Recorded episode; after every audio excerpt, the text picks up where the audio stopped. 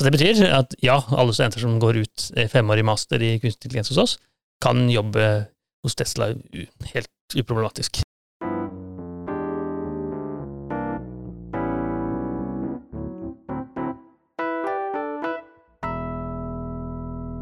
Velkommen til dagens episode av Egderøret, podkasten for, eh, for, oss her i Egde. I dag så er det Forrige episode så var det én ekstern gjest. I dag så har vi dobla innsatsen, og vi, eh, vi byr på litt uh, fagfolk og litt gamle egder. Det gleder vi oss veldig til. å grave i hvem disse er, men vi kan jo ta en runde rundt bordet først. Uh, jeg heter Øyvind Brekkhus Sandåker. Jeg jobber med litt sånn utvikling og eh, sånne ting her i Egde. IT-utvikling. Og ved siden av meg så sitter Arlen og jeg er jo da tjenestedesigner i, eh, i Egde, og er eh, en av to egder i denne podkasten. Og så har vi en av gjestene. Ja, jeg heter Morten Gudvin, og jeg er professor ved Universitetet i Agder, og jobber med informatikk og kunstig intelligens. Og så har vi enda en ekstern gjest. Ja. Jeg heter Karianne, og jeg jobber som prosjektleder for et prosjekt som heter AI Hub som er et initiativ for å spre kunnskap og starte prosjekter rundt kunstig intelligens. Og så har jeg jobba som tjenestedesigner i Egde tidligere. Hva er denne AI-hub-saken, Karianne? Det er et uh, prosjekt som uh, skal prøve å få løfta Sørlandet litt uh, på bruk av kunstig intelligens, og få industrien til å ta det i bruk. Eh, og også skape et eh, enda større miljø for eh, utviklere som, som kan kunstig intelligens, og som ønsker å lære seg kunstig intelligens. Så det er mye spennende som skjer her, så vi har lyst til å få det frem. Så det er et prosjekt som har blitt finansiert av de to kompetansefondene som er her i Agder, for å drive dette i to år. Og så ser jeg at du har et sånn nøkkelkort rundt deg, som det står noen andre initialer på og sånn? Ja, for prosjektet det eies av uh, Mechatronic Innovation Lab, uh, som eh, driver med roboter og kunstig intelligens og masse nye teknologier som, som, vi ønsker å formidle ut til industrien, at de skal ta dette i bruk. Føler du at du jobber mye med kunstig intelligens uh, daglig? Jeg er usikker på om jeg jobber med intelligens i det hele tatt. Nei da. Det er eh, Nei, jeg gjør vel egentlig ikke det, og det syns jo det er liksom eh, det liksom I min hverdag, da, så er jo liksom Vi jobber jo med tjenestesign, så jobber vi grunnleggende med å forstå brukerbehov, for å gå liksom snakke med mennesker, og, og så har jeg tenkt litt på det liksom sammenhengen da, med liksom kunstig intelligens og, og UX og tjenestesign. at det, grunnleggende så er liksom basert litt på det samme. Altså handler om brukerbehov, Eh, prøve å forstå hva er faktisk eh, bruken av, og hva er på en måte vi skal prøve å, å løse for en bruker, og så samles dette her sammen. Prøve å være systematisk, og så er jeg et litt sånn dumt menneske som prøver å sette det sammen og lage best mulig løsning. Men, men i en AI så prøver vi å pumpe inn mest mulig av, av lære av for uh, brukerbehovene, og så skape noe bra ut av det. Er jeg litt på Jeg tror du er inne på det. så i hvert fall men kunstig intelligens er jo en av de fenomenene som er veldig vide. ikke sant? Det er enormt mye snakk om kunstig intelligens, både sånn som du gjør det, hvor du egentlig i prinsippet snakker om maskinlæring, disse algoritmene, dataprogrammene som skal læres opp til brukergrensesnitt, eller hva det skal være, men også my mye mer. Eh, for det, hele hensikten med kunstig intelligens er det forsøket vi eh, holder på med, det er å bygge intelligens utenfor menneskekroppen. ikke sant? Det er ingen som har klart det ordentlig! Å bygge mennesker, det klarer man alle, ikke sant? hvis man har en kone eller en mann eller sånt, og ni måneder og litt sånn, det går fint. Men å bygge det utenfor menneskekroppen, i roboter eller i dataprogrammer, det er det kunstig intelligens handler om. Og da kan det gjerne være, sånn som du snakker om, i forbindelse med brukergrensesnitt eller på toppen av et varehus, trent opp med data. Eh, men poenget er da at den, denne intelligensen skal være nettopp det, ha en eller annen intelligent oppførsel, gjøre noe intelligent. Eh, og så kan man tenke intelligent, det høres eh, veldig vagt ut, men i fagfeltet så er det veldig presist definert. det er definert som kompleks problemløsning. Det betyr altså har du et problem som er av en viss grad av kompleksitet, altså er vanskelig nok, så er det intelligent å løse det. Enten Mm. det er av biologisk vesen, eller om det er av robot eller datamaskiner eller hva det er. Så kunstig intelligens er da eh, intelligent oppførsel, altså kompleks problemløsning, men i et kunstig materie. Enten det er i et dataprogram eller en robot, men da ikke i et menneske eller en hund eller en katt. ikke sant? Mm. Men det er jo veldig ofte at uh, disse eh, kunstig intelligens-algoritmene uh, algoritmene da, løser litt sånne der, eh, banale ting, sånn som eh, hund og katt-bilder og sånne ting. Eh,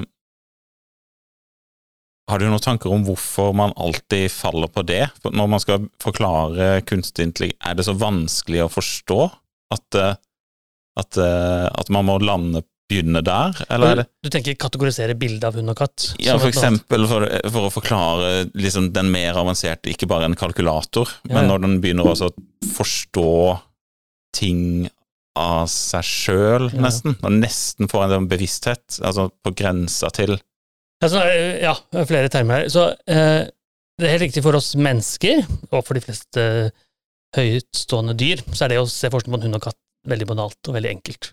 Men for en datamaskin så er det ikke det. For det er enormt mange piksler i rød, grønn og blå, som da summa summarum blir en katt eller hund, ikke sant. Og det var et problem som man tenkte var løsbart eh, på 50-tallet, og så tok det en 50 år å få det til, helt til Jan LeCun løste det på slutten av 80-tallet, begynnelsen av 90-tallet, og som nå leder Facebook AI-gruppe. Og, og det handler egentlig om intelligens i, i den forstand at man har en rekke piksler, som da eh, man skal forstå er en katt. Alle disse pikslene til sammen er bare verdier i en tabell ikke sant, som skal forstå er en katt. Og vi menneskeøyne er bygd opp sånn. Vi har eh, sensor på baksiden av øyet som eh, sender signaler til neste sensor, som sender signaler til neste sensor, som helt bak i hjernen her eh, popper opp noen, eh, noen eh, sensorer, som da kalles nevroner, eh, når man ser en katt eller hund, ikke sant? Og, og det er det kunstig intelligens også gjør. Eh, selv om det er banalt for oss mennesker, så er det jo da ikke banalt for, eh, for kunstig intelligensen. Og det andre tingen du nevner, er eh, bevissthet. Og bevissthet og intelligens er, for oss mennesker virker som det er det samme, eh, men eh, det er to vidt forskjellige begreper. Så det betyr bevissthet er eh, den følelsen jeg har av at jeg er meg selv. Så jeg er en annen enn Karianne, enn Øyvind og enn Erlend, ikke sant? Og det er en, en veldig sånn menneskelig ting, da. Vi er ikke helt sikre på om andre dyr har det, heller. Det er noe menneskelig. Eh, kanskje sjimpansen og kanskje orangutangene har det, og kanskje til en viss grad kråka har det, men meitemarken har det antakeligvis ikke der. Eh, selv om da meitemarken kan merke forskjell på lys og mørke. Mm. Så, eh, så vi pleier gjerne å separere intelligens, som er det komplekse problemer som skal løses, og det å ha en selvforståelse, en bevissthet. Og, så det er ingen tegn til at dataprogrammene, selv de aller mest intelligente, de som slår Magnus Carlsen i sjakkspilling, ikke sant, ingen tegn til at de har noe som helst form for bevissthet. Eh, Nyfødt barn er mye mer bevisst enn det, men du kan ikke gi et sjakkbrett til det. Liksom. Så det er to separate ting, egentlig, da. Du nevnte at eh, du har en veldig god kamerat som nå er i Oslo, eh, Karianne, som skal opptre på Nationaltheatret. Ja, stemmer. Eh, og har den eh, Du har jo nærmest et sånn bevisst forhold til eh, denne roboten Spot. Ja, vi snakker jo om eh, Spot fra Boston Dynamics. Du har tatt den, tatt den med hjemme, har du ikke det? Og, Jeg har hatt den hjemme i huset mitt, ja. Jeg har det. Katten ble redd. Ja. Mm. Men eh, hvor eh, eh, Hvor mye jobb, eller hvor nærme er sånn bevissthet knytta til sånn Spot kan jo gjøre veldig mye. Du, kan gå, ja, du gikk jo i trapper med den, og bare pil opp, altså joystick pil opp, og så går den opp trapper, og du kan gå sidelengs og baklengs og alt det. Ganske avansert sånn eh, greier. Men hvor langt unna er bevissthet å kunne gjøre sånne ting? Fordi at jeg føler det kan være litt sånn derre det er da du kan få de der skumle robotene, som da finner ut at jeg skal løpe ut døra, og så ta til venstre, og så løpe ned til sjøen, og så ta båten over til Danmark, og så finne på noe tull der. ja, det var skummelt. Ja, for det er bevissthet eh, kan det sammenlignes med intensjon, ikke sant? Jeg har et ønske om å ta båten til Danmark, eller hva du nå eh, har. Og sånn sett har jo ikke Spot eller noen andre roboter et sånt ønske, for den blir skrudd av. ikke sant? Vi programmerer den til å gjøre bestemte ting. Eh, og når det er sagt, så tenker jeg det er ikke noen prinsipiell grunn til at eh, Spot eller de andre robotene kan bli bevisste. Eh, for det bevissthet er, en, i hvert fall hvis man har den naturalistiske tanken, altså naturvitenskapstanken, så er det noe som skjer i min og din hjerne. Det er mine nevroner og mine synapser som skaper en uh, viss form for intelligens og en viss form for bevissthet. Det er, det er liksom bare det. Ja. Så hvis vi klarer å skape en simulering av hjernen, så vil man også klare å skape en simulering av bevissthet, uh, tenker jeg. Mm. Uh, I hvert fall det er min påstand, og så er det mange som er uenig. Og det er jo Det toucher på kunstig intelligens, for det er en av de store kunstig intelligens-pionerene, Alan Turing, som veldig mange har hørt om, tenker jeg, han snakket jo om det. Hvordan vet vi om en robot? Hvordan vet vi om Spot har en intelligens? Hvordan vet vi om eh, denne dataprogrammet jeg har lagd, har en viss intelligens? Og sånn han tenkte det, var at eh, dette må testes utenifra. Det må være en ekstern test på intelligens.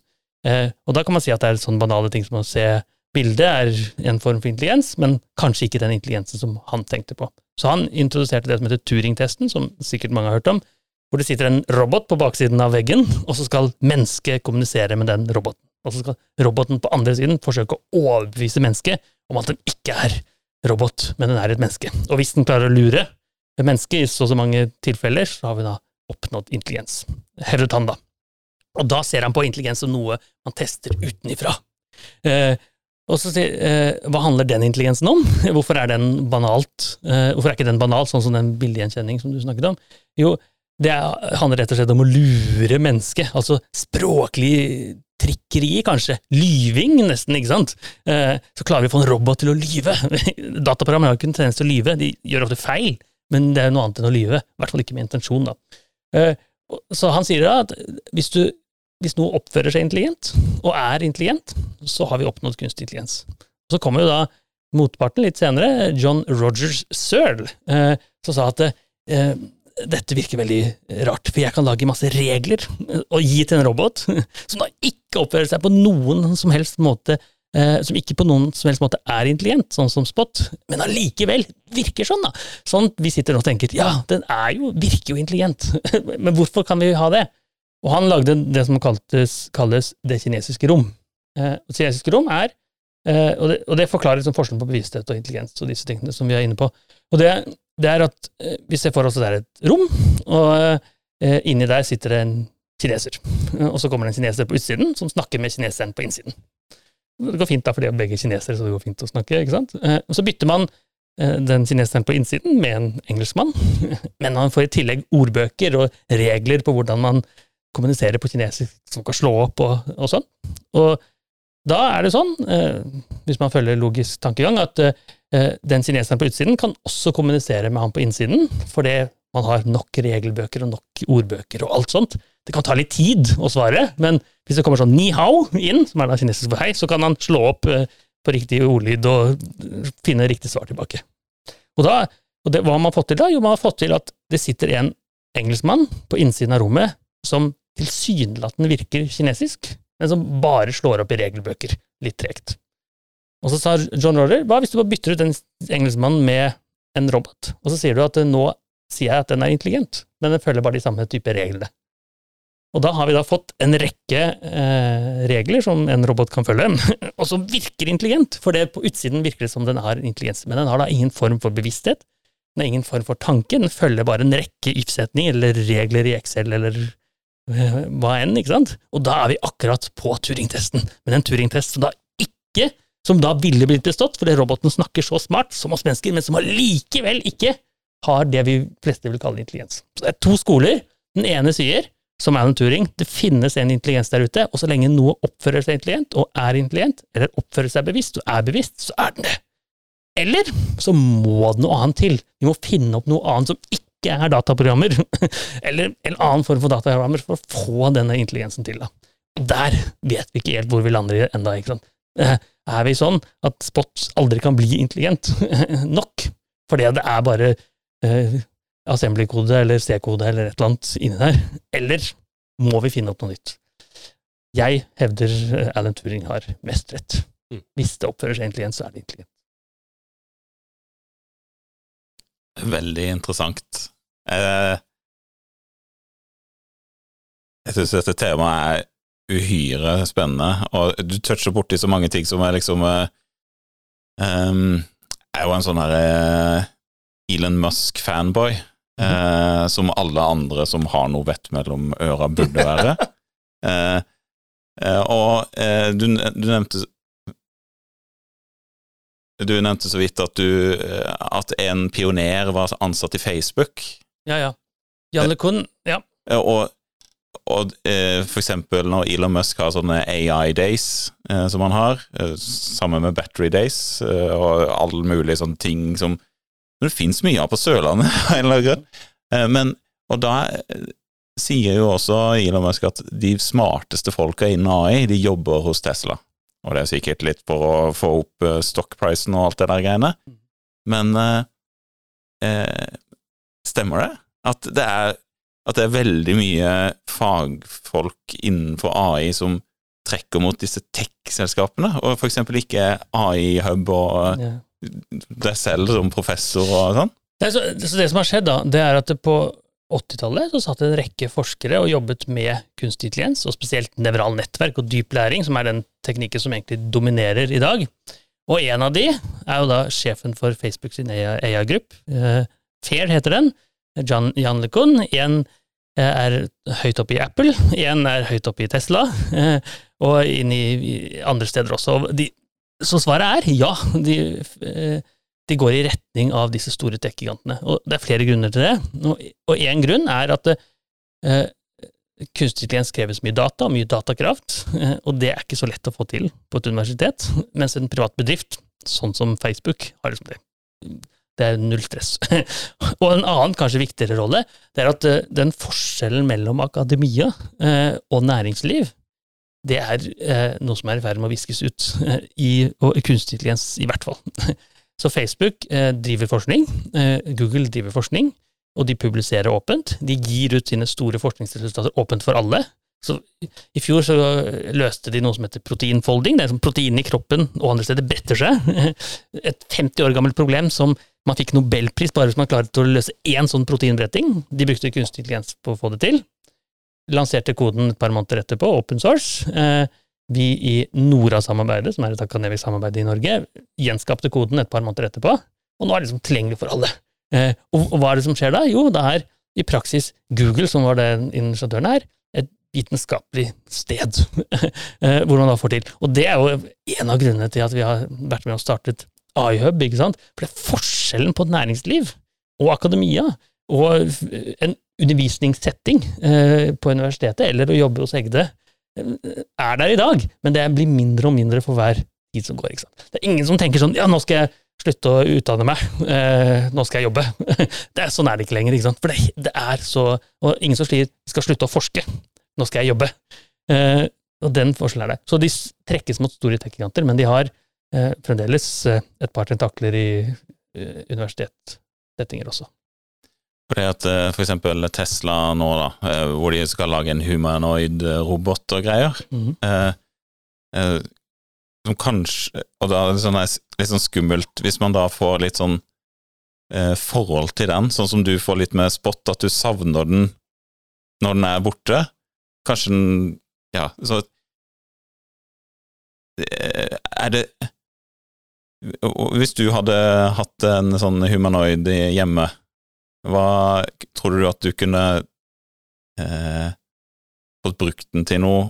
Og hadde, hva hadde skjedd da, hvis du hadde hatt eh, Hvis du hadde hatt eh, Karianne 2, eller jeg vet ikke hva du skulle kalt den, men eh, hvordan, hvordan ville du forholdt deg til å ha hatt en sånn eh, humanoid eh, robot hjemme? Hva, hva, tenker du, hva, tenker du, om det? jeg tenker at det er, jo, det er jo masse som er mulig i dag. Jeg har jo en robotstøvsuger. Eh, jeg kunne tatt med, tatt med en robot hjem til å rydde ut av oppvaskmaskinen min eh, uten at den trenger å være med. Så du hadde gjort sånne ting? Du hadde ikke liksom brukt den som en samtalepartner for å ha litt vanskelig på jobb? Du tenker ikke automatisk sånn? Du tenker på sånne gjøre ting? Ja, ja, jeg tenker mest på å gjøre ting, ja. Jeg gjør det. Jeg tenker ikke på den uh, intelligente delen. og jeg tenker Det ville vært litt uh, rart å spare med meg sjøl. eh, vil det ikke det? Var det ikke et prosjekt på det som du var med i, Morten, med ei tenåringsjente og Facebook-loggen hos henne? Jo, det er riktig.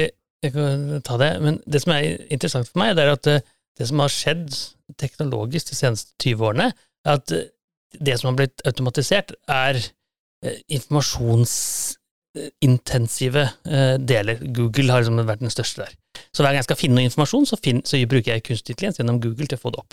Men de daglige gjøremålene, å løfte ting, bære ting, så må jeg få en venn til å hjelpe meg. ikke sant? Og det er det eh, Tesla prøver å fjerne. Eh, Tenåringsroboter eh, som snakker, er et sånt, sånt eksempel hvor man kan få, få ting til å funke. Og og, og, det vi gjorde, var jo en NRK-journalist eh, som eh, var med som skulle teste ut kunstig intelligens, og da lånte jeg en av robotene til Mill. Milfred heter den. Og, ideen var da at vi tok og trente opp en kunstig intelligens eh, med dialogen som hun, journalisten, eh, har hatt, Michelle. Eh, på Facebook. Også I henhold til GDPR, personvernsforordning, så kan man få all den dataen som Facebook har samlet om oss, og lagre ned, og jeg kan bruke den til kunstig intelligens. Eh, så dyttet vi en robot etterpå, for det ser litt kulere ut ikke sant, på TV. Så dette var på, på Dagsrevyen. Og eh, Så grunnen til at vi gjorde det, det var at en, eh, en bransje som er i ferd med å innovere seg, det er eh, begravelsesbyråene. tenker at begravelsesbyrå de får liksom en jevn strøm av kunder hele tiden, ikke sant? Men, men, også de er i konkurranse med hverandre, og de lager noe som kalles griefbots, sørgeroboter. Så hvis noen går bort, så kan jeg trene opp en sånn sørgerobot til å med kona, gud forbi, ikke sant, som ligner på kona, altså en, eller Karianne 2, eller hva man vil. og det var ideen, da. Eh, og så vi skulle demonstrere dette på, på NRK Dagsrevyen, og det vi gjorde da, var å ta hennes Facebook-logger fra eh, langt tilbake i tid, og det er jo det som også blei preget. For det, selv om hun er, er, nå en seriøs ny journalist og får dette virkelig til, så har hun jo ikke vært det den meste av tiden hun har vært på Facebook. ikke sant? Hun har vært eh, eh ungdom og snakket om fest og snakket om gutter og alt sånt. Så når hun intervjuet seg selv, da, for det var det som var premisset, seg selv i form av robot eh, på på Dagsrevyen, live on tape, så sa han sånne ting som eh, 'elsker du meg?' Det er typisk, typisk ting man spør om roboter. ikke sant? 'I love you too', mami svarte den. Og hva, og hva, skal vi gjøre i helgen, var et sånt spørsmål du stilte. Og fest, for faen, svarte roboten. og, og, og, det viser jo hva er, hva er poenget med kunstig intelligens? Jo, den plukker opp de trendene, de mønstrene som hun har gitt fra seg eh, til Facebook, og så er det de som plukkes opp i, i den roboten. Eh, og det kan være at Elon Musk har lyst til å eh, revolusjonere den biten, og det prøver han å gjøre litt med den Open AI, hvor han har lansert noen modeller, kunstig intelligensmodeller, som GPT er en som er mest kjent, GPT3, Generative Pre-trained Transformer, som er en sånn språkmodul. Men det han forsøker med den Tesla-bot, Megatron Tesla-bot, eh, det er at han eh, har lyst til å gjøre det Google gjorde med informasjon, gjøre det samme med hverdagssysler. Jeg skal ikke trenge noen andre enn meg selv, uansett hva slags type verden jeg lever i. Om jeg er eh, en i hvert fall relativt frisk 40-åring, eller om jeg er en 80-åring som sliter med å gå på beina, så skal jeg liksom ha leve mitt liv hele veien. Det er hans ambisjon. Eh, og, helt enig at Elon Musk er en mann man bør se etter, og er en stor inspirasjonskilde. Han lover voldsomt mye, men så får han til kanskje 10% av det han lover selv de ti prosentene, de er veldig mye mer enn det veldig, veldig mange andre får til. Så eh, vi bør eh, kjøpe gjerne en Tesla-bot, eller litt avhengig av prisen, da, selvfølgelig. Men ja. Jeg er veldig spent på. Det, det som jeg syns er litt fascinerende her, da, er at eh, du snakka liksom 50 år tilbake, og enda lenger tilbake, så har vi snakket om kunstig intelligens. Jeg husker jeg leste Erik Newt-bøkene på 80- eller på 90-tallet om Matilda, som handla om en sånn eh, hjemmerobot som du hadde da, til å hjelpe med oppvasken og lage mat og alle disse tingene. Som, uh, men nå, nå, føler jeg litt at vi kanskje begynner å nærme oss litt den derre det de har på en måte snakket om da, i snart kanskje 100 år. Uh, at vi lever litt i den sci-fi-verdenen som de, de, skapte. Jeg er helt sikker på at hvis du hadde fått en hundreåring hit, altså for 100 år siden, eller fått en som levde for 100 år siden hit, så ville han tenkt på dette som en utopi, ikke sant. Helt Mm. klart. Eh, og, og, og, og det som skjer, er at vi hele tiden har en målestokk som flytter seg. Hva er det når er intelligens kommer? Eh, det mest kjente eksempelet på det er eh, sjakkspilling, vil jeg si. Så sjakkspilling var sett på som det ytterste av intelligens som noen gang kan være. Er du intelligent, så spiller du sjakk, og er du god på sjakk, så er du helt klart intelligent. Sånn er det ennå. Det vil aldri roboter klare, datamaskiner klare. Og, og vi vet alle at det gjorde de på 90-tallet med Deep Blue. Og så gjorde og, så, og da sa folk eh, ja ja, fint nok at nå har vi en datamaskin som kan slå stormestere, Gary Kasparov og sånt, men det som virkelig er det beste, er når mennesker og maskiner spiller sammen. De er mye bedre, sa de. Eh, og, så gikk det noen år, eh, og så eh, kom eh, Google med noe som heter Alfa eh, Go. Alfa Go. Heter det selvfølgelig, og Alfa Zero, som kom senere, eh, og spilte Go og spilte sjakk. Og nå er det jo sånn at eh, kunstig intelligensen, Alfa Zero, eh, eh, slår menneske, slår menneske og maskin sammen, og det slår alle andre maskiner. Så det er ikke lenger sånn at den menneskelige interaksjonen med kunstig intelligens er det som er det beste. Det er maskinen selv. Og det jeg hører nå, i andre fagfelt, da, her er det i medisin for eksempel, så sier vi kunstig intelligens, ja ja, ok, så diagnostiserer den sykdommer bedre enn andre, men det er jo samarbeid med legene, det er da det er nyttig. Og så ser vi da, det, kommer det samme til å skje, ikke sant? Jo jo, så går det ti år, så kanskje ikke det er behov for den der interaksjonen med leger, for eksempel da. Eller eller utviklere, for eksempel. Vi ser utviklerverktøy blir sterkere og sterkere og sterkere. Det er veldig forskjellig å være utvikler nå enn det var for 20 år siden.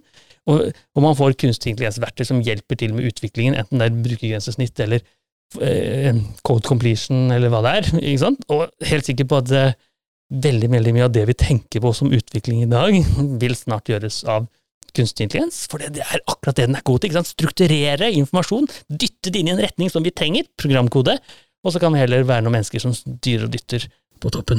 Så, Men- ja. Men det er jo kanskje akkurat der det er så masse å hente nå, da, på akkurat den menneske-maskin-interaksjonen som Altså, vi må lære oss å ha tillit til å forstå hva teknologien kan gjøre. AI er på en måte på vei mot eh, Mars for lenge siden, mens vi sitter litt igjen med skjemamotorer og eh, skal gjerne kvalitetssjekke alt og vite hvorfor ting har er som de er, da. Eh, så det å liksom få lukka det gapet der, da, det tror jeg er en suksessfaktor for å få AI ut i bedrifter og virkelig ta i bruk det som et viktig verktøy. Eh, vi kan ikke vente ti år på det, vi må jo bare i gang eh, nå. Ja, det, det er jo en historie som gjentar seg hele tiden, tenker jeg. Og eh, det er masse eksempler i historien for å ta. ikke sant? Internett, datamaskiner. ikke sant? Det var de som virkelig hoppa på internettbølgen, og som var der også når den sprakk. Som er de store, store me- me- mesterne. ikke sant? Amazon, kjent eksempel. ikke sant? Bitte liten firma som hoppa på internettbølgen på 90-tallet, og som turte å være der selv når boblen sprakk. Og som i dag er verdens rikeste mann. ikke sant? Og er, nå er vi i en boble som blir større og større og større. Folk tenker på kunstig intelligens som kan løse mer og mer og mer, og så sprekker den, utvilsomt, fordi man eh, tenker at dette er en sånn superduper sak som løser alt, og så kan det løse veldig mye, men ikke alt. eh, Og så eh, kommer det til å være folk som hopper av, eh, men de som tør å henge på, de som tenker at her skal vi være med, her skal jeg virkelig innovere, enten det er i helse eller utvikling eller finans eller hva det er, med kunstig intelligens i dag, er jeg helt sikker på de som er morgendagens vinner. Det er liksom litt vanskelig å skille da, eh, fiksjon fra fakta når det gjelder kunstig intelligens. Så kommer disse innovasjonene nesten på samlebånd. Så er dette bare tull og fanteri som er der, noen ganger er det det, eller er dette virkelige store fremskritt eh, som er der? Og det er ikke så lett for eh, folk som ikke er i fagfeltet å henge med på. Eh, men biter man i, og er med, og selvfølgelig bidrar med utvikling eller hva det er, enten det er i Egd eller andre steder, så er jeg helt sikker på at det er de som sitter med styrken fremdeles, ikke sant. De som, altså, hvem er det som leverer søk? Jo, det er noen som hoppa på søkemotortrenden på 2000-tallet. Hvem er det som ler so- sosiale medier? Jo, det er de som hoppa på sosiale, den trenden på 2000-tallet, ikke sant. Andre kan også, men det er der vi er nå, så hvis man har lyst til å hoppe med. Vi har jo et du snakka om at du var redd for at det var noe during i bakgrunnen, og jeg sa at det var helseplattformen vår som kjørte der. Ja. Eh, og det er noe vi tester ut nå, som grunnen til at den står der og må dure, er at vi er med i et prosjekt i Sørlandet sykehus som heter Stay Safe, som eh, skal prøve å detektere eh, selvmord hos psykiatripasienter. Eh, og der bruker vi mye AI og sånn for å Ja, vi har en sensor i taket her som skal måle puls og alt sånn. Den klarer bare én om gangen inn i rommet, så det er noen sånne hardware-problemer som må løses først. Men og i helse så er det jo mye sånn regulatoriske krav. Eh, så for eksempel, ok, hvorfor tok man ikke action, eller hvorfor varsla man ikke når eh, de og de målingene viste det og det, eh, kan jo bli et problem for et sånn type prosjekt som dette. Og da er det jo at du Sett litt på spissen, da, så håper du putter masse data inn i en, eller i en lærings-deep learning-greie, og så håper du på det beste, at den skal finne ut av eh, patterns og sånn. Og så, hvis han ikke gjør det, så eh, med noe av den samme type input, så må du liksom svare for hvorfor du ikke detekterte det.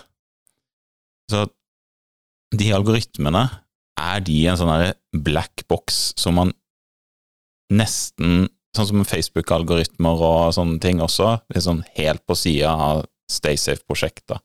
Men det er litt sånn derre eh, Forstår alle disse tech-gigantene hva egentlig disse algoritmene gjør? Sånn når han eh, eh, Google skulle ha en selvkjørende bil, og så sto det en rekke med sykler som man da skulle prøve å simulere om de skulle kjøre, og så krasja hele bilen. Fordi mm. at han skulle simulere at alle skulle Det kan være at de kommer til å gå ut i veien, så hva skal jeg gjøre da? Og da hvis det da står en rekke med sykler eh, langs veien, så skal han simulere ganske mye. Mm. Eh, men eh, hvordan er liksom disse algoritmene Kan de svare for seg? Kan de, kan de jobbe inn i en sånn helseplass hvor det er så mye regulatorisk krav? Svaret er ja, utvilsomt. Eh, og det er en myte at, at, man ikke forstår hva kunstig intelligens gjør. Men la meg starte fra et litt annet ståsted. Så eh, helse er et sted som har regulering, og av god grunn, for det har så konsekvenser hvis ting går feil. Og GDPR, som de fleste kjenner, personvernforordningen, den er ment for å regulere datainnsamling og datainnhenting, og nå jobber EU med et nytt lovverk som på mange måter kan se, som, se på som GDPR2, som er spesielt rettet mot kunstig intelligens, og der havner helse inn i den eh, kategorien som det settes ekstra strenge krav til. Og en av de kravene som settes da, hvis dette blir lovgivning, vel å merke, det er eh, at man kan forklare hvorfor modellene, kunstig intelligens-modellene kommer med beslutningen de gjør. Forklare hvor, hvor, disse, eh, hvor disse eh, dataene er trent fra, at de er av høy kvalitet, eh, og at det er mennesker i loopen i visse tilfeller, spesielt når det er kritisk, og et sånt selvmordsforebyggingseksempel vil jo typisk være et kritisk situasjon, vil jeg si. Så da må det være et menneske som, som styrer og støtter dette. Eh, og så er det, så disse kunstig intelligens-modellene er utrolig store, og store, store masse eh, parametere som skal styres. Eh, og så er det sånn at det, det, kan være så komplekst at man ikke forstår helt hva som skjer. Men hvis man titter inn i det, så forstår man matematikk. All matematikken forstår man. Og hvis man ikke hadde forstått det, så hadde man ikke klart å bygge det. Det er litt som hvis jeg har ikke peiling hvordan jeg bygger en bil, men her er den, liksom. Det høres helt absurd ut. Og sånn er det. Det er like absurd i kunstig intelligens-verden også. Mm. Men det som ofte skjer, da, det er at eh, enten disse store tech-gigantene de velger å gjøre det black box eh, av økonomiske eller IP-hensyn. Jeg skal ikke få lov å fortelle hva jeg har på innsiden. Og når kunstig intelligens er brukt i rettsvesenet i USA, for eksempel, med horrible konsekvenser, så er det den type black box. De har sagt at dette er en forretningshemmelighet. Jeg skal ikke fortelle hvorfor han blir dømt og han ikke blir dømt, for det er min forretningshemmelighet. Og det er en, men det har ikke noe med teknologien å gjøre, det har med at de tenker her har jeg noe å vinne på å holde det hemmelig. Og så er det store, komplekse modeller som eh, ofte gjør litt rare ting, eh, men hvis man følger etter det, så ser man, eh, ser man eh, hvordan, hvorfor den gjør det. Eh, det mest kjente eksempelet er jo AlphaGo, dette spillet som, spilt, som ligner på sjakk, hvor eh, trekk 39, tror jeg det var, i spill nummer to mot Leo Zadol, hvor det da var sånn Skal man teste om kunstig intelligens ikke bare kan spille sjakk, men kan spille det enda mer avanserte spillet Go? Og trekk 39 trodde folk var dette er bare noe tull, her spiller den et barnetrekk, ikke sant? men så viste det seg å være genialt etterpå. Og og, og, da tenker vi ja, ja, da har de blitt smartere enn oss. Ja, da har det blitt. Men klarer vi å forstå hvorfor trekk 39 kom? Akkurat hvorfor han valgte å legge den steinen akkurat der? Og svaret er ja, det gjør vi. I etterkant. Vi kan sånn etterprøve å gå inn og se på alle disse matrisene i, i det nevrale nettverket og skjønne ja, det er akkurat derfor. Der. Så, når, eh, så eh, Blackbox eh, fins, men av forretningsmessige grunner. og så er det mye man ikke forstår med kunstig intelligens, men det stort sett det man ikke forstår, det er det som ikke funker. Eh, sånn som Hvorfor går ikke bilen min fortere? Jo, vi skjønner ikke helt hvordan vi skal få den til å bli enda mer energieffektiv. ikke sant? Men en eller annen så gjør vi det. Eh, og så er det et helt annet fagfelt da, som handler om forklarbarhet. Eh, på engelsk så har man to termer, som jeg vet ikke helt hvordan man oversetter det, men det er interpretability and explainability. Tolkbarhet og forklarbarhet, kanskje. Så forklarbarhet handler om at kunstig intelligens Vi kan forklare hvorfor den kom til det resultatet. Hvorfor kom den til den trekk 39, på en måte? Med sånn eh, en programmerer eller noe sånt kan skjønne det. Mens tolkbarhet vil jo da si at eh, en, en eh, lege kan altså tolke resultatet og skjønne beslutningen rundt der. Og den siste biten, der er vi ikke i mål med å si at hvorfor kom jeg til akkurat den beslutningen? Da nytter det ikke å si det legen, jo, her var disse 500 matrisene etter hverandre. Men vi som har jobbet med de matrisene, de kan skjønne det, ikke sant. Mm. Så det er liksom det gapet mellom eh, eh, maskinlæringsfolkene og brukerne eh, som er der. Sånn er det mange andre steder òg. Så jeg skjønner ikke hvordan bilen min funker, men jeg vet at gasspedalen er der, bremsen er der, og så er det kløtsj på den andre sida.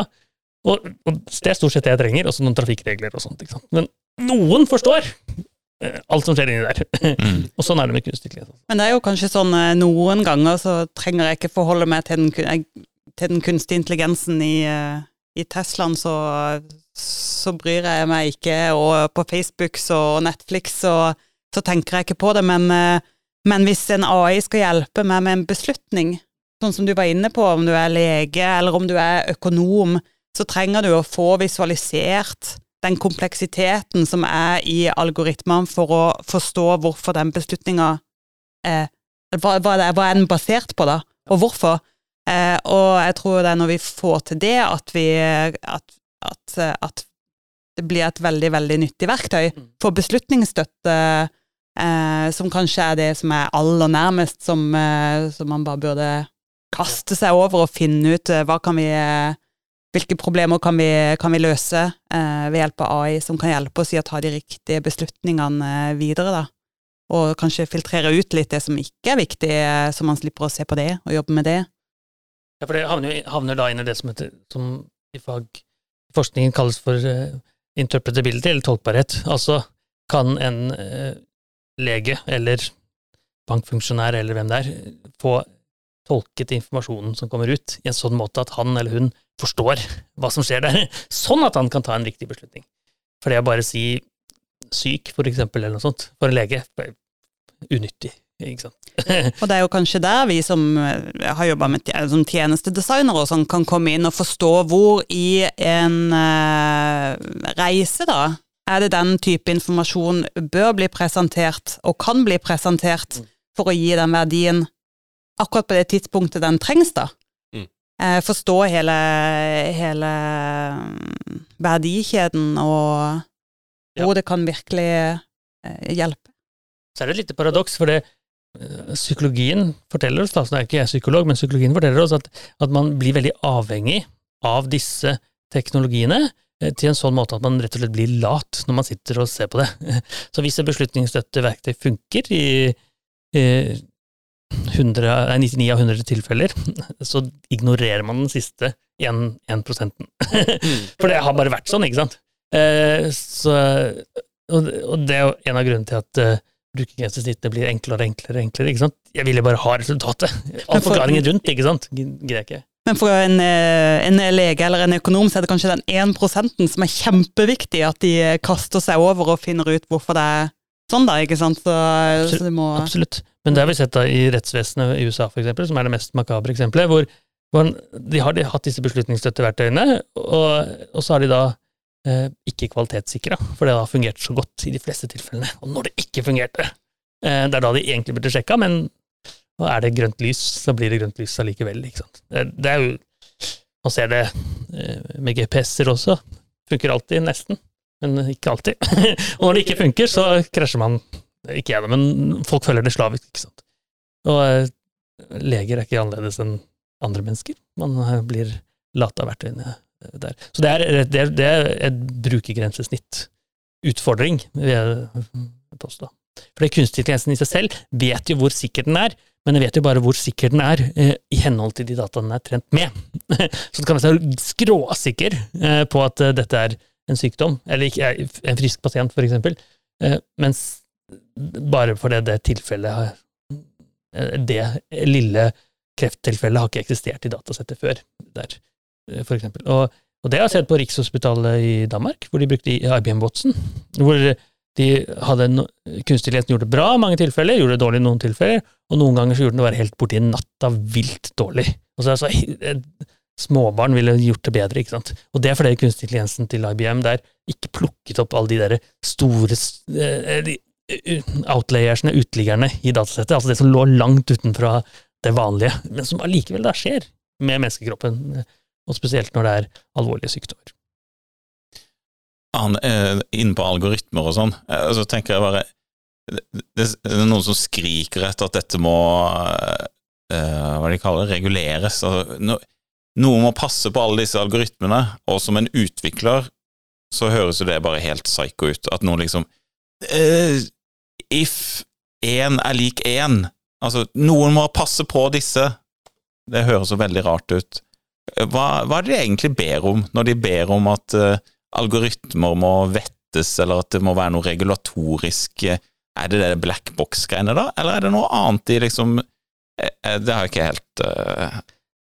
Jeg er en av de som ber om det, og, uh, og vi ser jo da tilsyn mange steder. Datatilsynet er kanskje det mest nærliggende, som handler om datainnsamling, personvern osv., mens eh, algoritmetilsyn fins ikke. Og, og, og, det er litt det samme som EU jobber med nå. Det skal være en måte å liksom etterprøve dette på. Og, tanken er jo da antakeligvis ikke at man går inn og ser på kode, eh, på noen måte, men at man har et eller annet, eh, et eller annet tilsyn som kan etterprøve når kunstig intelligens er i bruk i samfunnskritiske eh, områder. Eksempelvis, da, hvis man har en ansettelsesalgoritme som prioriterer menn over kvinner, som det er masse eksempler på, så er det dårlig, naturlig nok, ikke sant. Men, det er, men det er ikke så lett å vite uh, hvordan det funker. Uh, og så er det de, de, tilfellene hvor det er helt tydelig at algoritmene diskriminerer, det vil er ingen celle. Så det er i seg selv, de er som selvregulatoriske, på en måte. Men i mange tilfeller så er det, er det ikke så clear cut. Det er sånn at det fungerer litt bedre for en gruppe, og litt dårligere for en annen gruppe. Siri på iPhone er et sånt eksempel, som fungerer litt bedre for meg som mann enn for Karianne som kvinne, rett og slett fordi hun er kvinne og har en kvinnestemme. Eh, og det er ikke sånn at det er kritisk på noen selvs måte, men det er en liten forskjell, og den lille forskjellen, hvorfor skal vi ha det sånn? Hvorfor skal det være sånn for akkurat for Siri, mens hvis jeg sier at det, kjøleskapet mitt hjemme, det fungerer best for meg, for jeg er mann, ikke for kona, ikke sant, og det høres jo helt vilt ut. Eh, så, så, den måten å tenke på, ser jeg for meg at det bør reguleres på en måte, eh, og, og, det er ikke så vanskelig, for det handler om eh, både det at vi skjønner hvorfor de tar avgjørelsene, men på samme måte som det må være mekanik mekanikere som ser på bilen, så må det være noen som liksom skjønner prinsippene bak, som kan sjekke det. Jeg går til EU-kontroll på bilen av og til, og noen med kompetanse sjekker bilen. Og i tillegg så er det sånn at du kan, du kan teste det utenifra. Du kan si sånne ting som Her har jeg en CV, og så bytter jeg ut uh, mann med kvinne. og hvis algoritmen oppfører seg annerledes, da så er den dårlig. For det skal ikke være en forskjell, da. Men åssen vil det funke i praksis på eksempel internt her i Egde, da? Ja. Hvis vi hadde lagd vår egen eh, vettingalgoritme på hvem som er lur å ansette. Ja. Eh, det er jo langt inn i noe organisatorisk mikmak, og så ligger det noe skjult der. Eh, er det liksom det bare sånne Arbeidstilsynet går inn, og så er en del av det også å sjekke sånne ting, da? Eller Ja, sånn Altså, Dere har ikke lov å diskriminere i dag, eh, uavhengig av algoritmer. ikke sant? Så hvis dere sier at eh, Nei. Hvis dere utad sier ja ja, nå gidder vi ikke å ansette noen kvinner, nå ansetter vi bare menn, så vil eh, likestillingsombudet komme og kjefte på dere. ikke sant? Ja. Eh, og, hvis man har et, et vert, La oss si ansettelse som eksempel. Hvis, noen leverer, hvis dere lager et selv, eller hvis dere kjøper et verktøy, eh, så, eh, så, så er systemet i dag at man stoler på leverandøren, at det funker. Og, eh, fair nok, det. Eh, men hvis man eh, bruker det til så, sånne ting som ansettelse, så eh, er det ingen tredjeorgan som etterprøver det i dag. Og konsekvensen er da eh, at det er de store gigantene som da eh, har pondus nok til å si 'dette funker', som er de som dominerer. Eh, og fordi de er så store og enorme. Mens de små de må liksom bevise og prøve å eh, få dette til for å funke. Så IBM eller Facebook eller Google de kan bare si 'stol på oss, eh, vi er IBM, det funker'. Mens eggene, selv om dere er store nok, store, så er dere ikke så store som IBM. Så dere må på en eller annen måte overbevise de dere selger til, at her funker det. Mm. Eh, Og kanskje vil dere bare være sikre på at det funka i diskrimineringssammenheng, uansett. Men det er ikke sikkert at IBM gjør det, ikke sant? Eh, iPhone-eksempel med Siri er et sånt eksempel. Ansiktsgjenkjenning på telefoner er et annet eksempel, som Mm. i dag er utrolig diskriminerende, fordi det, fordi det er laget av en gruppe mennesker, og som tilfeldigvis er liksom samme, eh, samme gruppen som jeg tilhører, menn i, omtrent midt i alderen, og det er de som er tech-folkene, og de som har dytta inn i dataene. Enten det er stemmegjenkjenning eller hva det er, ikke sant.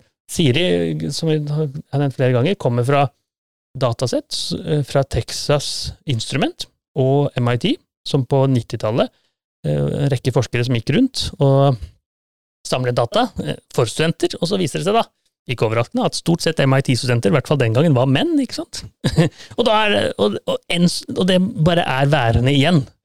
Eh, så jeg tenker at det er Helt uavhengig hvor i egdesystemet eventuelt den koden sitter, så lenge konsekvensen er at, at dere eventuelt skulle oppføre dere dårlig med å diskriminere på bakgrunn av en kunstig intelligens som dere kanskje ikke har kontroll på fordi dere har bare kjøpt det, eh, bør det være noen som er ute og sjekker, eh, syns jeg. Og det er det EU egentlig prøver å dytte fram med GDPR. Ja. Eh, To, eller ja, kall det Ja. det. ja. Mm. Kjempe, kjempeinteressant. eh, Ja. Men det Men med eh, Ja, en litt annen vinkling. Eh, Han, eh, la oss si at eh, noen går på UiA, og så har de lyst til å begynne å jobbe i Tesla i AI-avdelinga. Utdanner UiA folk som kan gå inn og jobbe med AI eh, overalt i verden, eller finnes det sånn underarter, sånn frontend-utvikler, backend-utvikler? Åssen er liksom den derre AI-backend, AI-frontend Åssen sånn Jeg ser for meg mye funksjonell programmering av en eller annen grunn eh, i Ja, godt spørsmål. Nei, så, eh, så det, er ikke, det har ikke delt seg eh, på den måten enda. Så det er, det er mange forskjellige kunstig intelligens-algoritmer, og eh, det som er trenden hos Tesla eller andre steder, eh, og det er noe som kalles dyp læring, nevrale nettverk, og det utdanner UiA-studenter på. Så det betyr at ja, alle studenter som går ut eh, femårig master i kunstig intelligens hos oss, kan jobbe hos Tesla helt uproblematisk. Og det er akkurat de samme teknikkene som er der. Vi kjenner godt til det som kommer ut av Tesla. Vi har, jeg har selv doktorander som jobber med selvkjørende biler, som er, bruker ikke Tesla sin kode, men i hvert fall veldig, veldig lik eh, kode. Og, og, og, og en av grunnene er at de tech-gigantene de er veldig åpne, open source, sier dette er det vi kommer ut med. Så er det selvfølgelig ting som sitter på baksiden av Tesla som ikke vi vet om, eller andre steder. Men, men det er en holdning i kunstig intelligens-verdenen at dette går så raskt, og, og vi skal hjelpe hverandre, og vi skal dytte hverandre, selv disse gigantene. Eh, IBM er det eneste unntaket, egentlig, men de sier alt skal få tilgang til alt, for vi har ingenting å skjule. Og, og konsekvensen er da at et lite universitet som Universitetet i Agder, som har litt kompetanse på kunstig intelligens, også kan være med å kjempe om de samme eh, forståelsen av, av dette. Så det er eh, så det er ikke Det er prosjekter som går på frontend, selvfølgelig, det er prosjekter som går på backend, eh, men eh, det er ikke et eget studium som er sånn front-end AI, eh, i hvert fall hos oss. Og eh, hva i, eh, I UiA så har har en eh, kompis som, eh, som, har et par doktorader innen religion og etikk og noe greier. Ja. Eh, jobber på UiA. Men han er også med i noe som heter Care. Ja, ja. Eh, hvordan Det høres ut som et forferdelig spennende, men veldig vanskelig tema innenfor AI, som du sa om bevissthet og sånn, mm. etikk og det greiene. Eh, hva er, hva er CARE? Ja, CARE er et forskningssenter. Eh, Center for Artificial Intelligence Research, som er en samling av kunstig intelligens-forskningen på Universitetet i Agder. Og det er mye teknologer, mest teknologer, som lager dyplæring og andre, andre algoritmer. Eh, enten grunnforskning eller i samarbeid med næringslivet anvendt forskning, Egde eller sånt eksempel. Men så er det også eh, filosofene og eh, de som jobber med den humanistiske biten av det. For det er jo sånn at man trenger ikke gå helt i den bevissthetsverden, for det, kunstig intelligens er jo da amoralsk. Det betyr at det har ikke noen moral i seg selv, og betyr at den bryr seg ikke om den diskriminerer kvinner og menn, eksempel. Men hva kan man få til det, da? Kan man få til en, en moralsk forståelse i det hele tatt? Og da trenger man noen som forstår moral. Eh, og det filosofer har en tendens til å gjøre. Så, én måte vi går fram på i, i Care, og drevet av disse filosofene, eh, er jo å lage spill som, som, man må ha riktig moral for å vinne. og så lager man en kunstig intelligens som kan spille spillet. Og hvis kunstig intelligens vinner i det spillet, så har den da per def lært, eh, lært seg moral, da. Men da er, det, da er det litt sånn konsekvensetisk man tenker, og det, det, betyr egentlig at man ser på moral som eh, hvis man gjør en handling, og så får det en bedre, bedre konsekvens, så er det som riktig moral. Da. Så det er en måte å tenke moral på. Den andre måten er mer sånn eh, er du en moralsk person? og det er litt vanskeligere måte å, eh, å lage kunstig intelligens på, da. Eh, så Care er jo da et senter som har veldig mye, ja. inkludert teknologer, men også filosofer og teologer og næringslivsfolk, sykehus, eh, andre steder. Og rett og slett fordi den interdisiplinære biten av det er så sentral. Robotikk med mild er også et, et eksempel. Mm. Uhyre spennende tema som vi tror vi kunne eller vi Jeg kunne i hvert fall snakka veldig mye om det. Jeg syns det er ufattelig spennende.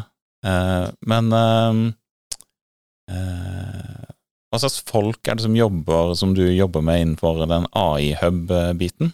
Hva slags typer mennesker er det som kommer inn der og har lyst til å jobbe med, med sånne ting? Vi er jo mest en eh, kompetansemegler, så vi eh, kobler de industrien som er nysgjerrige på, på AI og har lyst til å finne ut mer og kjøre prosjekter sammen med um, Care-senteret på UiA, hvis det er relatert til forskning, um, eller med studenter som kan uh, bistå firmaer til å, til å um, finne ut hva de.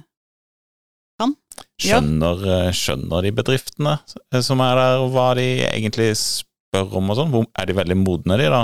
Eller det er, er det... veldig stor variasjon. Eh, I iHub så de, eh, de workshopene vi har hatt med ulike bedrifter, er veldig, veldig, veldig varierende. Det er alt fra gründerselskaper som lurer på om de kanskje skal ta i bruk kunstig intelligens, om det kan gi de en forretningsmodell som overgå andre. Eh, eller vi har eh, strategiworkshops med selskaper som leverer på AI, og som trenger input fra forskning for å forstå hva er neste skrittet vi skal ta. Ehm, så det er veldig, veldig stor variasjon i hvor bedrifter har, eh, har Hvilken forståelse de har for det, og hvor langt de har kommet i prosessen med hvorvidt det er et nyttig verktøy som de ønsker å ta i bruk. Det er kanskje litt der nesten at veldig mange har Sånn, nå har vi i mange år hatt den derre 'jeg skal ha en app'. Eh, hvorfor skal du ha en app? Eh, det vet jeg ikke. Eh, og vi møter jo på mange av de som eh, tenker vi skal ha AI. Ja, for det er også... Eh, men de vet ikke helt eh, hvilket problem de skal løse, da. men de vil ha AI, og de har masse data. så da må vi jo vi begynne å grave litt for å se hvem er det vi kan koble de sammen med, da, for å For å Vi kan hjelpe med å definere problemet, og så må vi heller koble på andre som kan hjelpe de der de, der de er, om det er Egde eller eh, andre selskaper som kan ta de, ta de, og hjelpe de videre. Mange har nok godt av bare få strukturert opp dataene og finne ut eh, hvordan kvaliteten egentlig er, eh, for å komme, komme videre. Hvor mye data trengs for å lære en uh, dyp læringsalgoritme? Uh, jeg jobba før som en profesjonell gambler, hvor jeg spilte på med, min, med, bedriftens penger på fotballkamper, og vi hadde modeller og algoritmer for å finne ut av hvem som vant fotballkamper. og vi levde av det, så vi gjorde det jo bra, men vi, vi turte Vi var ikke vi, eller det de som jobba med de algoritmene sa, var at vi hadde ikke nok data til å trene opp en AI, så vi lagde våre egne Monte Carlo-simuleringer og eh, Poisson-utregninger for å finne ut av hvem som vant fotballkamper. Det gikk jo helt greit, men vi hadde ikke eh, nok data, sa de da, til å eh, eksempel at eh, Ronaldo nærmer seg 16-meteren, og når han er der, så pleier han å skåre mål, og liksom Hvor mye data trengs for å lære opp? Er det Og liksom tilbake til det diskriminering og sånn. Er det derfor det er diskriminering, fordi at det bare mangler data? Ja, så siste spørsmålet først. Eh, så det er ikke, det er ikke diskriminering fordi det mangler data, i de tilfellene jeg har nevnt, det er fordi dataene er, har, er feil feil valgt ut. Altså du har kanskje for lite av én gruppe. Du har for mye av én gruppe. Du har for mange menn og for få kvinner. Og da må man si at det, da tenker algoritmen at da er det bare å prioritere menn, da, for det er det det er mest av. og da får man mest riktig. Eh, og hvor mye data som trengs, det er, det er avhengig av hva man skal løse. Det er sånn veldig eh, Hvor langt er et tau-spørsmål. Eh, og det er eh, og det er rett og slett, Hvis det er en enkel funksjon man skal etterligne, for det kunstig intelligens egentlig gjør, det er det som kalles funksjonsapproksimator, man har en matematisk funksjon som man skal etterligne, og den klarer å etterligne hvilken som helst matematisk funksjon der ute, og det er derfor det funker. da. Enten er det gjenkjennende bilde eller spiller sjakk eller hva det er, så lenge man har nok data, så, så er det bevist at man klarer hva som helst. Enten er det Ronaldo-spilling eller hva det er. Eh, og så er det sånn at uh, jo mer, jo bedre, uh, og det må være representativt for alt der ute. Så hvis Ronaldo aldri har, eller hvis aldri noen som har gått mot 16-meteren uh, aleine med ballen før, så er det ingen måte at den kunstige kan plukke opp at det er liksom gå mot 16-meteren aleine med ballen på åpent mål, betyr mål, liksom. Type ting. Det må liksom være historietrend. Men det som, er, det som er vanlig med de fleste kunstige intelligensmodellene, er at de er forhåndstrente. Altså Google eller Facebook eller andre har gitt ut ferdigtrente modeller eh, med bilder eller med video eller eh, sånt, og så skal de da Og så kan du trene den siste ti prosenten, for eksempel. mm. Så hvis du skal gjøre noe bildegjenkjenning, for eksempel, så er det ikke noe poeng å trene helt fra bånda, for det tar et halvt år, egentlig, mens du kan trene eh, bare den siste delen av det nevrale nettverket. Eh, den første delen er trent med hunder og katter og hester og aper og sånt. og i noen felt så er det masse forhåndstrente modeller, mens antageligvis i gambling så skal jeg tippe at ikke det er det. Du kan ikke laste ned sånne gamblingmodeller, fordi bettingselskapet sitter sikkert, sitter sikkert på de, mm. Eh, holder de test på brystet. Eh, eh, og da Så det, det, vil aldri være nok data til å trene en vanskelig funksjon, når den er blitt så vanskelig at den er tilnærmet lik nei, eh, tilfeldighet. Så Lotto, for eksempel, går ikke an å lage, for det er per def tilfeldig. Mens fotball er jo litt mindre tilfeldig, ikke sant? Mm. så der, der, i prinsippet så skal det gå, eh, sånn matematisk sett, men det må antakeligvis være sånn enorme mengder data. For å ta et eksempel, så et kjent hudkreft eksempel fra Nature, der brukte de 130 000 pasienter med kreft for å få det bedre enn dermatologer eh, mm. for et par år siden. Og så ser vi da veldig, veldig mange teknikker eh, som klarer å høste dataene på en bedre måte enn tidligere. For mm. Ofte så er det ikke mengden data som egentlig er eh, flaskehalsen, men det er liksom en annotering eller en kvalitetssikring av dataene. Så ja. i, i, gambling, for eksempel, så finnes jo uh, masse fotballkamper man kan se på på YouTube, ikke sant? Men det er uh, hva som betyr noe, hvem som vinner, osv., som egentlig er den ressursen som Mm. trengs. Mm. så en, en av de teknikkene som er i ferd med å seile litt oppover, er noe som kalles semi-supervised learning.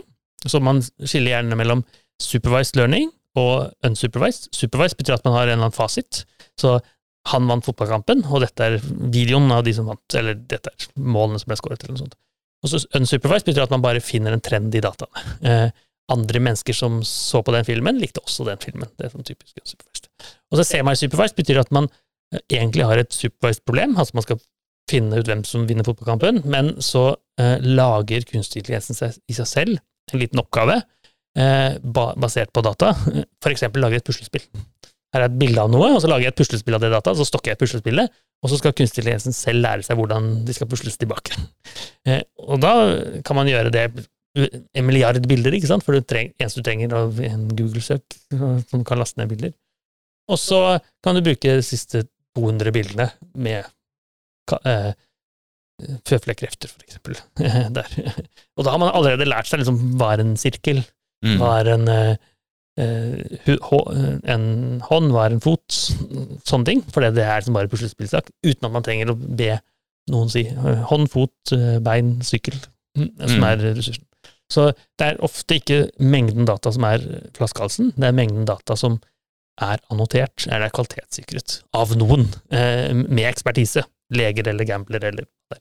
er. Eh, og, hvis man tenker på den eh, på data sånn, så er jo datatørsten til kunstig intelligens i ferd med å forsvinne. så, fordi man trenger ikke så mye data som man Mm. trengte for tre-fire år siden, hvor man ikke hadde disse teknikkene. Mm. Så eh, for få år siden så var det sånn, har du masse data, og har du en uh, idé om kunstig intelligens skal gjøre, så kan du få det til. Nå er det bare, har du en idé om uh, hva du skal få til, og har du litt data, så kan du få til en kunstig intelligens. Så det er trenden. Mm. Ja, for jeg har samme, inn, eller samme ting som deg, at jeg vil gjerne ha en app. Ja. Ok. Ja. Jeg vil gjerne ha en AI. Uh, så ja, det er Men vi, vi snakket jo litt om det her før podkasten. Altså, øh, det er jo mange som har hatt deg som jobber egne som foreleser. Ja. Um, og så snakka vi litt om det med at øh, de jobber jo kanskje ikke med det de har blitt utdanna innen. Eh, og vi tenker jo litt sånn, liksom litt til grunn litt for det spørsmålet, er jo litt sånn at vi tenker at det er- vi må, må jo være noe AI som vi kan gjøre. Eller hva, hva er, da tenker jeg liksom, hvorfor er det på en måte Er det, er det bransjen altså, som ikke er moden, som er der, som ikke ser det? Altså, vi ikke kan, på en måte, det er ikke prosjekter nok. Det er jo litt tilbake til Karanne, det er sånn AI-hub som dere holder på med. Altså, for at vi, det er jo kompetanse som ligger der, som vi da ikke får, får kanskje brukt. Altså Ja, jeg, jeg- det er sikkert flere svar på dette, tenker jeg. Eh, Så, og det ene svaret er i hvert fall at det er ikke noe Man bør ikke, som Karianne sier, bare bruke, ta AI for å bruke AI. For- det eh, Man må først tenke hva det skal løse, og noen ganger så er kunstig intelligens løsningen, men ikke, alltid. Så det er liksom det første steg må være hva er det man egentlig har lyst til å løse. Eh, og, så er, og så er jeg helt sikker på at det er mange AI-løsbare problemer eh, som ikke blir tatt hånd om. Så jeg som sitter og jobber med kunstig intelligens og bare det, ser jo det hele tiden, ikke sant. Men det er, altså det er litt for det en hammer kan brukes til veldig mye rart, som er det kjente eksempelet, ikke sant. Så hvis, hvis ja, hammer er det eneste du eier, så ser det ut som det er spiker overalt. Eh, og, og jeg som da jobber med kunstig intelligens, ser jo liksom dette kunne jeg gjort med kunstig intelligens overalt. Hvorfor ikke? Eh, og jeg tror noen ganger så er det fornuftig, men helt sikkert andre ganger så er det andre løsninger som er eh, vel så gode, da. Eh, og og man jobber med det feltet man er utdanna som, ja ja, helt sikkert. Jeg tenker nok på fagfelt litt annerledes, for fagfelt er noe vi mennesker har sagt, dette er et felt, dette er et annet felt, eh, og de holder vi separat. Eh, Og så er eh, før var alt bare filosofi, ikke sant? så kom fysikk ut av filosofien, og så kom matematikk ut av filosofien, og så kom IT ut av matematikk, og så kom AI ut av IT, ikke sant? men det er jo bare eh, veldig, veldig mye overlapp eh, mellom dette. Og hvis man jobber med eh, databaser eller datavarehus eller noe sånt eh, hos Egde, så er jo helt sikkert at det er masse kunstig intelligens-muligheter som man sikkert kunne dra nytte av. Men jeg ville ikke starte der. Jeg ville starte er det, hva er det jeg skal eh, løse for kunden, og kan kunstig intelligens være uh, veien der? Det kan det sikkert være, uh, uh, men man må jo se på andre alternativer. Også, og der kommer tjenestesigneren inn. Ja, ja, men ikke bare, ikke bare, det, men jeg tenker at alle må sette seg litt inn i hva er egentlig AI, og hvilke problemer kan løses ved bruk av AI, fordi at man kan ikke legge det på en eh, en eller to som kan masse AI, eh, som er utvikler. Man må eh, ha kompetanse i hele organisasjonen og svare ut tilbud riktig, og vite hvor man kan hjelpe kundene til å se at det kan være en mulighet. Da. Så alle må egentlig eh, forstå litt mer av hva den type teknologi kan brukes til. Ja, og det er jo kanskje litt der utfordringen ligger. Da, for er, jeg opplever at det er vanskelig uh, for menigmann å på en måte få grep om dette her. Altså hva praktisk kan jeg bruke det til? Hvordan kan jeg bruke det i mine prosjekter? Eh, og så, Jeg savner jeg savner ei smørbrødliste, altså. Ja, Det er ikke så, kanskje ikke så lett å få en uh, smørbrødliste, men, nei, det er jo noen spissen, men, ja. Ja, men, det er jo noen ting eh, Man har et, eh, et godt kurs uh, som heter Elements of AI, mm. som alle bare bør ta. Tar ca. 30 timer. Uh, er veldig visuelt pent. Mm. Så og godt forklart, og gir en litt input. Og så finnes det en veldig god podkastserie fra LearnTech med Morten Gudvin, 'Fundamentals of AI', ja. eh, som tar eh, kort et par timer. fire episoder. Veldig nyttig for å få litt sånn feeling av AI generelt, og litt sånn basics. Mm. veldig fin, den òg. Um, og ellers er jo også Egde medlem i AI-hub.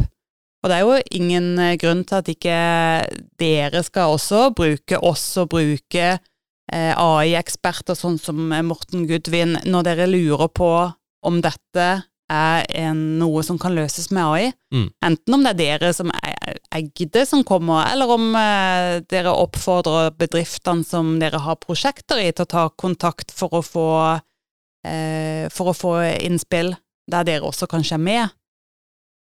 Det er jo en, en eh, lav terskel som, mm. eh, som, det bare er å benytte. Veldig god oppfordring. Så den korte spørrelista eh, kan jeg godt komme hvis du vil det. Så, det er, eh, så jeg ser det, i hvert fall den første biten, når man tenker kan man bruke kunstig intelligens, så er det tre ting, sånn som jeg ser det. Og det, er, det ene er at du har et eller annet problem som kan defineres eh, formelt, altså matematisk. Og det kan være sånn eh, kategorisering, eh, hund-katt-bildegjenkjenning, eh, huspris, eh, brukerinteraksjon, et eller annet som du kan telle på en eller annen måte. Altså, her er noe jeg kan telle.